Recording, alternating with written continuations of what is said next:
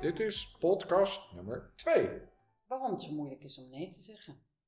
Welkom bij Ontrafeld, de podcast. Hier ontdek je hoe je als vrouwelijke leider meer balans krijgt in je leven. Je hoort hoe het ontrafelen en doorbreken van jouw pijnlijke patronen helpt om rust te ervaren, meer te genieten en je weer te verbinden met jouw gevoel. Zodat je de regie over je leven weer kunt pakken en je vrij voelt. Mijn naam is Fiona Koek, systemisch coach en auteur van Ontrafeld, bevrijd door anders te kijken naar mijn patronen. Deze podcast gaat over nee zeggen. Waarom is het zo moeilijk? Wat is de consequentie daarvan? En wat kan het je opleveren om het anders te doen?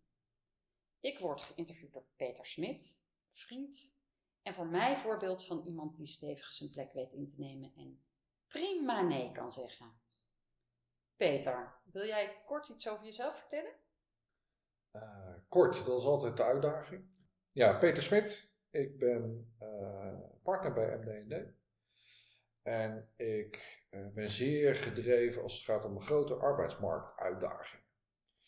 En dat vind ik met name leuk als het gaat om ja, grotere programma's waar heel veel verschillende organisaties bij betrokken zijn en, en de echt grote uitdagingen.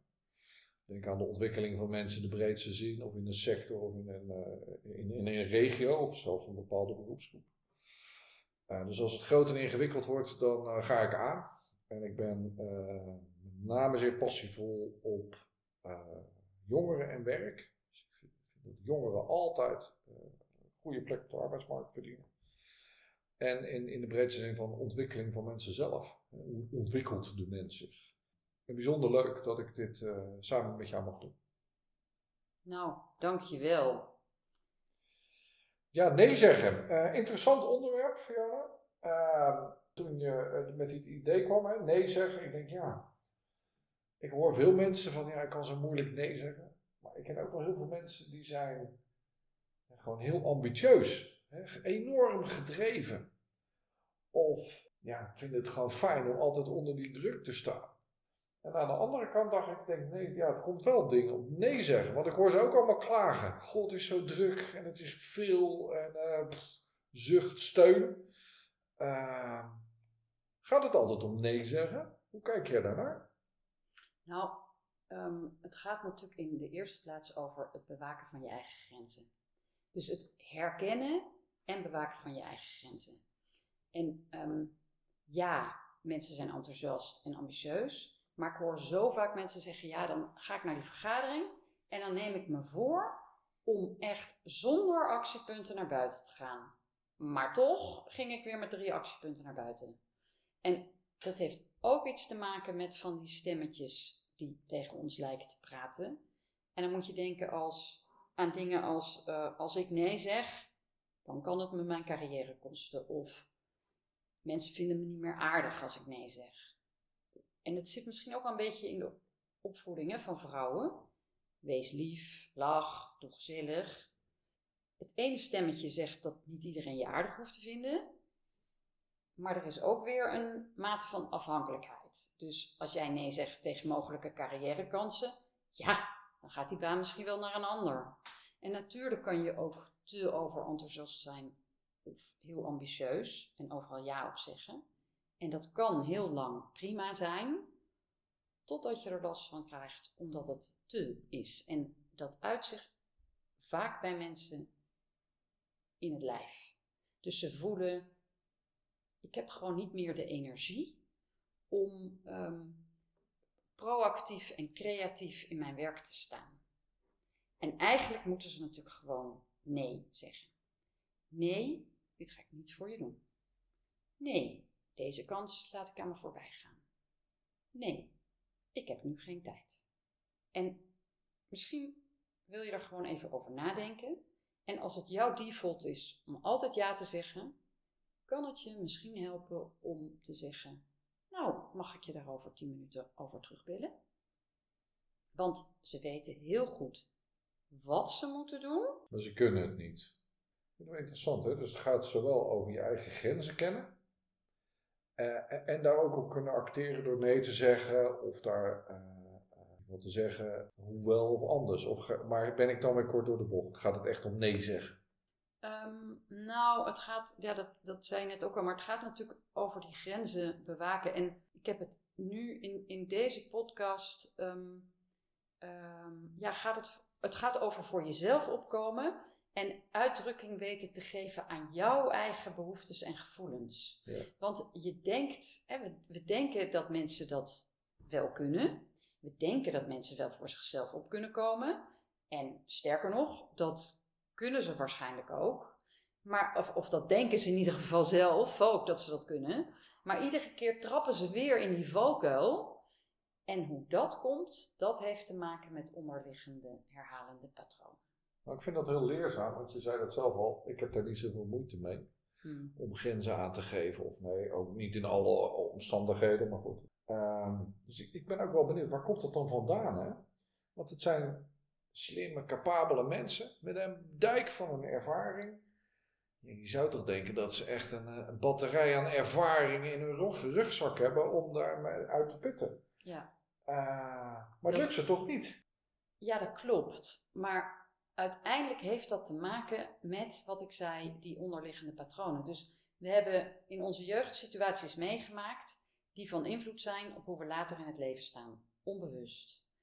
Bijvoorbeeld, je moeder heeft een rotjeugd gehad. Haar ouders hebben de oorlog meegemaakt, ze zijn getraumatiseerd geraakt en hebben hun gevoel afgesloten. Dat is een logische manier om het leven het hoofd te bieden, letterlijk. Ze gaan denken, hard werken, overleven. Veel, druk bezig, om maar niet te hoeven voelen. En als er dan een pijnlijke situatie voorbij komt, dan kijken ze weg. Zeker in die tijd, hè, die generatie. Dus je moeder, oma. En jouw moeder heeft dan misschien niet geleerd hoe ze haar gevoelens kan uiten. En als zij dat deed, dan werd er overheen gewalst. Waardoor jij waarschijnlijk ook niet hebt geleerd om je gevoelens te uiten. Terwijl je natuurlijk heus wel nare dingen meemaakt in je leven, want zo is het leven. En als je daar dan niet over kan praten en geen luisterend oor kan vinden, dan kan het zijn dat je dat opkropt, je schouders voelen zwaar, je draagt je eigen zware last van al die opgekropte emoties. Je krijgt zelf kinderen en je geeft dat weer door, want je weet niet beter. Het leven is zwaar en donker. En wat je dan vaak ziet is dat een moeder gaat leunen op haar kind. Een kind die wil graag dat het de moeder goed gaat. Dus die gaat haar stinkende best doen, onbewust, om die moeder te ontlasten. Als ik tegen mijn moeder zeg dat ik verdrietig ben, dan gaat ze huilen. Of als ik zeg dat iets een beetje spannend is, dan wordt ze overbezorgd. Ja, iemand die zo'n achtergrond heeft, die heeft geleerd om een ander te ontzien. Dus die zegt overal ja op als haar iets wordt gevraagd. Dus dat patroon is al vroeg geboren. Ik doe het wel voor jou, want dan gaat het je goed, onbewust. En de kans is groot dat ze dat op alle fronten van haar leven doet. Geen nee zeggen, zorgen voor anderen, het invullen wat anderen nodig hebben, de zwakkeren willen beschermen, onbewust. Vanuit hele goede intenties. Maar ook zij heeft niet geleerd om naar behoeftes en gevoelens te luisteren. Dus dan gaat ze werken en dat patroon houdt ze in stand. En dat geeft ze weer door aan de volgende generatie. Onbewust. Onbewust. Nou zeg je het over oorlog, hè, dat is eh, meer dan 75 jaar geleden. En ik weet dat hè, als je patronen doorgeeft vanuit generaties, dat kan meerdere generaties eh, eh, meegaan. Heb je ook voorbeelden die, die, die misschien wat dichter bij huis liggen dan, hè, want oorlog heb je het over de Tweede Wereldoorlog. Kunnen patronen ook dichter bij huis liggen? Zeker. En ehm, even om ons bewustzijn allemaal te vergroten, dan denken we aan de gemiddelde Nederlander. Maar ehm, eh, toevallig heb ik een hele mooie ehm, eh, testimonial van een vrouw die gevlucht, die ooit uit Rwanda deze kant op is gekomen. Ja, die oorlog is veel dichterbij. Dus ehm, weet je, in onze beleving is een oorlog verder weg. Maar dat geldt natuurlijk zeker niet voor alle mensen die je coachen en de mensen die we tegenkomen in leidinggevende posities. Maar Nee, zeker. Heel goed dat je dat zegt. En dat is omdat we gewoon echt wel, eh, zeker hier in Rotterdam, eh, een global world hebben. ja, Dus dat het niet alleen om Nederland gaat of de Tweede Wereldoorlog, maar Ja. eh, met- al het gedoe wat er in de wereld is en wat je meeneemt. absoluut, absoluut. Maar goed, weet je, andere voorbeelden. Ehm, dat je vader uh, op jonge leeftijd ziek was of zelf misschien wel eens overleden. Dus dan ga je voor je moeder zorgen, dan kom je naast haar te staan. En um, ja, weet je, dan, dan ook dan weer neem je meteen al vanaf jongs af aan dat patroon aan van zorgen, niet alleen voor je moeder, maar misschien ook voor je jongere broertjes en zusjes. Of misschien hadden je ouders ruzie en die gingen later scheiden. Maar voordat het zover was, hè, dit is wat kinderen doen, die proberen lief te zijn. En die, willen, die denken, een kind denkt dat ouders scheiden omdat het kind daar een bijdrage aan heeft geleverd. Dus het kind wil vooral niet tot last zijn, wil heel behulpzaam zijn, het brave meisje. En, en dat zie ik trouwens, want ik heb, ik heb het natuurlijk over vrouwen, maar hoe, hoe zie jij dat als man? Vrouwen, hè, zie ik vaak dat die ehm, eh, goed willen zorgen, lief willen zijn voor anderen. Is dat, denk jij, hetzelfde voor mannen in de werk- en in de privéomgeving? Of is dat anders? Nou, ik werk wel uh, de relaties die ik heb, even in de zakelijk of, of vrienden, is dat dat echt wel speelt. Hmm. Dat ze ook goed willen doen of zorgen voor. Ik vind goed doen en zorgen voor vind ik echt nog wel iets anders. Dus daar, daar, zit, daar zit wel het verschil tussen mannen en vrouwen. Ik merk wel in, in de huidige tijd dat, dat mannen daar veel meer voor openstaan, of daar soms ook wel mee worstelen. Maar ze staan er gewoon veel minder bij stil. En wat bedoel je, waar worstelen ze dan mee? Nou, dat ze goed willen doen of zorgen en, en zich afvragen wat hun rol daarbij is. Uh, maar ik merk wel dat ze daar gewoon ja, minder lang bij stilstaan. Uh, als een man lang gaat nadenken, die denkt dan, ja, wat, wat is dit voor getrut? En die denkt, nou, ik stop het weg en ik ga door. Of dat goed is of niet, dat is weer een heel ander verhaal. Hè? Dat is misschien nog eens een andere podcast. Uh, maar ik denk wel dat mannen daarin in, ja, mee spelen. Alleen vrouwen, ja, ik zeg wel eens dat blijft draaien mm. in, in, in dat hoofd. Ja, ja ik geloof ook is, Is dat het? Is het zo simpel? Nou, um, ja, ik vind dit soort generalisaties, dat is natuurlijk nooit zo simpel. Hè? Nee. Er zijn, maakt het wel makkelijk. Ja, maakt het wel makkelijk. Maar wat ik vooral zie is dat een kind die niet van huis uit liefde heeft meegekregen, alsnog de erkenning en waardering wil die het vroeger niet heeft gekregen. Dus die gaat haar of zijn stinkende best doen om dat wat het niet van de ouders heeft gekregen, om dat alsnog van anderen te krijgen. Maar een ander, die kan jou nooit met terugwerkende kracht geven wat je van huis uit niet hebt ontvangen. Dus je gaat nog harder je best doen, nog meer pleasen, zeker geen nee zeggen, want vind je niet meer aardig, loop ik risico, bladibladibla. Ja, herkenbaar, dat meen ik echt. En uh, ja, dan zijn we ook weer gelijk waar we begonnen zijn. Is dat mogelijk om dat ook door, te doorbreken? Ja, dus dat is de good news. Maar het begint natuurlijk bij het herkennen dat er een patroon is. Dan pas, hè, je moet ook wel willen toegeven, er is iets aan de hand. Ik heb ergens last van. Want dan kan je ernaar gaan kijken met behulp van een coach bijvoorbeeld zodat je op zoek kunt gaan naar de wortel. We herkennen namelijk wel het gedrag en zelfs dat het herhalend is, maar het is moeilijk bij onszelf om te pinpointen waar het vandaan komt. En ik kan als systemisch coach heel snel mijn vinger leggen op die herhalende patronen, want ja, ik werk heel intuïtief, dus ik voel ook wel met mensen mee, maar ik gebruik ook opstellingen om die herhalende patronen in beeld te brengen maar ook om jou te laten voelen hoe het is om je op een andere manier te verhouden tot de bestaande situatie. En vaak gaat het niet eens over het doorbreken van herhalende patronen of ervan af willen, maar over de werkelijkheid erkennen zoals die is. Het geeft kracht om alleen al te zeggen: er is onbalans.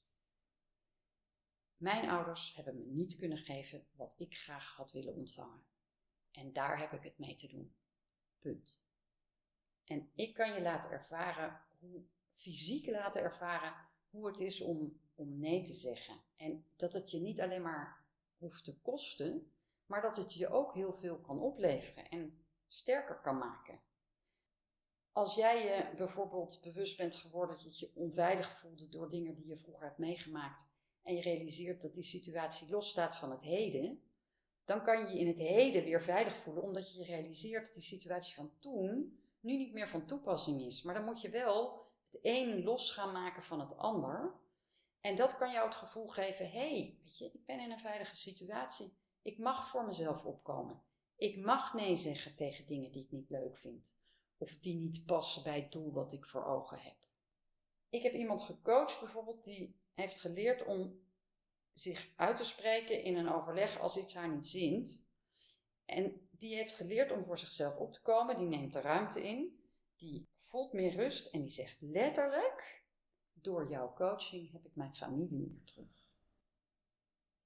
Want doordat zij ehm, ja, eh, eh, die rust in zichzelf herpakte, kon zij zich weer verbinden met partner en kinderen. Maar je moet wel weten wat je wilt. Want ik zeg altijd, het universum, die, ehm, die moet je wel laten weten welk signaal je uitstuurt. Hè? Ask and it's given. Dus het universum moet wel weten waar jij nee tegen zegt. Anders krijg je steeds, ik had ooit in het begin, toen ik begon met als coach, dacht ik, ja, die opdracht moet ik aannemen, ook al vind ik hem helemaal niet leuk, want ik heb het geld nodig. Toen dacht ik op een gegeven moment, ja, ho even, ook heb ik het geld nodig als ik deze opdracht niet leuk vind. Het universum denkt nu, oh, ik kan haar gerust meer van die opdrachten sturen, want uh, die pakt zij wel op. Um, hoe beter je dat weet, hè, ze noemen dat ook wel manifesteren of manifesto's, dat je zo heel duidelijk visualiseert wat je wilt in je leven, dan trek je dat ook aan en dan um, kun je daarnaar handelen. En dan heb je die regie weer terug over je leven, wat maakt dat je je krachtig voelt en vrij. Ja, mooi dat je zegt met het universum. De Force noem ik ook wel, maar dat is met een knipoog gemaakt. De film. Um, ja, mooi om te horen, leerzaam ook. Uh, voor mij zeker. Ja, als vrouwelijke leiders dat nu willen, en, en ik zei net al, ja, vrouwelijke leiders niet alleen, maar daar kunnen ook gewoon mannen bij zitten die natuurlijk daarmee aan de slag zijn. Uh, zeker. Wat is dan het traject met jou? Nou, als jij het gevoel hebt, weet je, ik wil vaker nee zeggen, want nee zeggen tegen een ander is ja zeggen tegen mezelf, dan moet je natuurlijk wel weten waar je ja tegen wil zeggen. Zodat je die rust in je hoofd kunt krijgen. En daar kan ik je bij helpen. Ik coach mensen één op één. Ik heb ook een vierdaags transformatietraject waarbij ik vier mensen tegelijk begeleid met hun ontrafeling. Dat zijn vier dagen in vier maanden tijd. Op mijn website kan je zien wanneer de volgende weer begint. Ik organiseer opstellingenworkshops waar je je eigen vragen kunt inbrengen of je kan meedoen met de vraag van een ander, waardoor je even goed inzicht krijgt. Je kan natuurlijk ook mijn boek Ontrafeld lezen, is een goed begin. Ontrafeld bevrijd door anders te kijken naar mijn patronen. Nou, kortom, neem een kijkje op de website www.koekcoaching.nl. Daar vind je alle informatie. Voel je vrij om contact op te nemen, ook als je niet precies weet wat je vraag is. Dankjewel Fiona voor uh, deze tweede aflevering en al je inzichten en voorbeelden. Uh, het heeft mij in ieder geval weer geholpen. Luisteraars, dank jullie wel voor uh, het luisteren. weet Fiona ook gewoon te vinden voor vragen of andere opmerkingen. En op naar de derde aflevering. Dankjewel. Dankjewel Peter.